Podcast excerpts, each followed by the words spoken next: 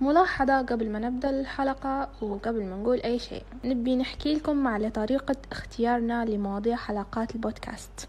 إحنا نختاره في مواضيعنا عن طريق الأحداث اللي صايرة حوالينا أو من الواقع اللي إحنا نعيشوا فيه. يعني نقتبسوا في مواضيعنا من ناس نشوفوا فيهم حوالينا مواقف صايرة معاهم سلبياتهم إيجابياتهم أو حتى مواقف صايرة معنا إحنا شخصيا. يعني اختيارنا المواضيع مش اختيار عشوائي وخلاص.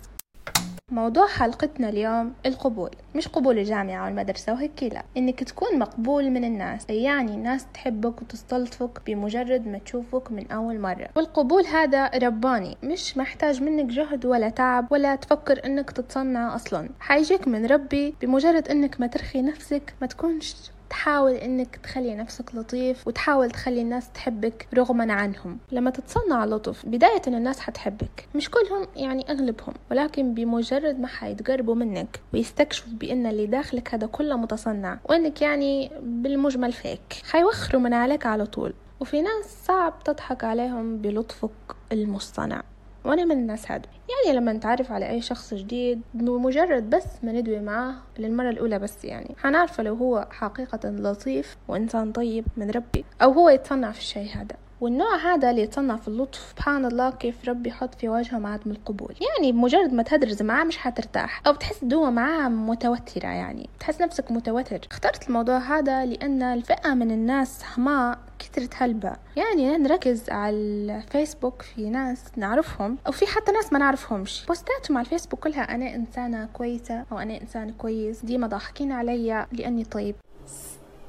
أنا الصعبان أنا الصعبان أنا أنا أنا من الزواحف. أنا أنا أنا من الزواحف. خد بالك. اوعى تقرب مني عشان أسمك بعدين تزعل مني. يعني يا عزيزي ويا عزيزتي الطيب صدقوني ما عمركم حتسمعوا منا كلمة أنا طيب. لأن بطبيعة الطيب مستحيل يبين لك إنه هو طيب. لأنها أصلا مش ضابط إنه هو طيب. أو ماي جاد قلت كلمة طيب هلبة.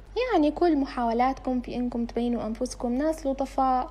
وناس طيبين وغارقين في بحر اللطافة. محاولات فاشلة. ولو نجحت في البداية حتفشل في النهاية. سؤال يا ريت النوع هذا من الناس يسألوه لأنفسهم. شنو الغرض من اصطناعي للطافة وشن استفادتي من كل هذا أصلا؟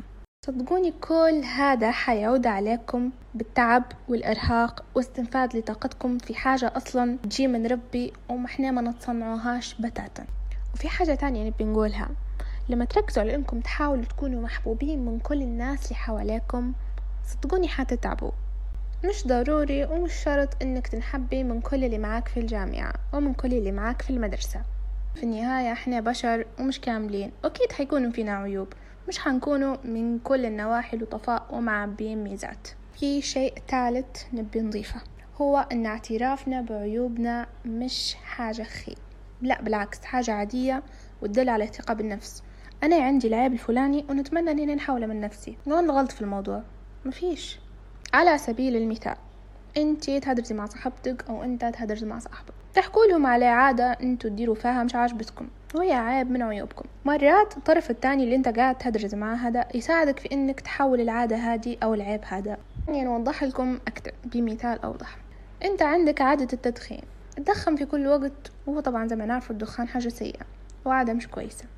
المفروض عليك مش إنك توقف في وجه الناس وتقول لهم لا الدخان مش عادة سيئة ومش من عاداتي السيئة. لا عادي الدخان يغير لي في جوي يخلي فيه رايق في كل وقت وما إلى ذلك. عادي لو وقفت للناس وقلت لهم إيه والله عندكم حق الدخان عادة سيئة والله نتمنى ننحى مرات حد من الناس هادو يساعدك إنك أنت تقلع عن التدخين. إظهارك لمميزاتك فقط يدل على أن أنت عندك عيوب بالهبل. وأن عيوبك أكثر من مميزاتك وأنت قاعد تحاول داري عليهم بالمميزات الطشة اللي عندك. بنرجع لتالي شوية وبنحكي على حب الناس أكثر أكثر حاجة ما تطلبش من البشر. يعني ما تطلبوش من البشر إن هم يحبوكم. لأن يعني هذا غير صحيح. يعني تخيل نفسك وأنت مع كل شخص تتعرف عليه تبدأ تحاول تبذل كل جهدك بإنك تبين له إنك إنسان كويس ولطيف وتظهر له كل مميزاتك. هذا كله باش يحبك. وانت على فكرة هنا تستهلك في طاقتك وتبذل في جهد من أجل الناس. يعني من الأخير هيك أنت قاعد تفضل في الناس على نفسك. قبل ما تطلبوا من الناس الحب حبوا أنفسكم في الأول. نفسكم أولى بالحب. في النهاية بنقول لكم اطلبوا حب الناس ولكن اطلبوه من ربي. وقبل ما تطلبوا حب البشر اطلبوا حب الله. أنا يحبكم ربي يعني كل اللي حواليكم حيحبوكم بمجرد ما يشوفوكم على طول. كانت معكم مسرة الدويبي في بودكاست شغف. دمتم في رعاية الله وحفظه.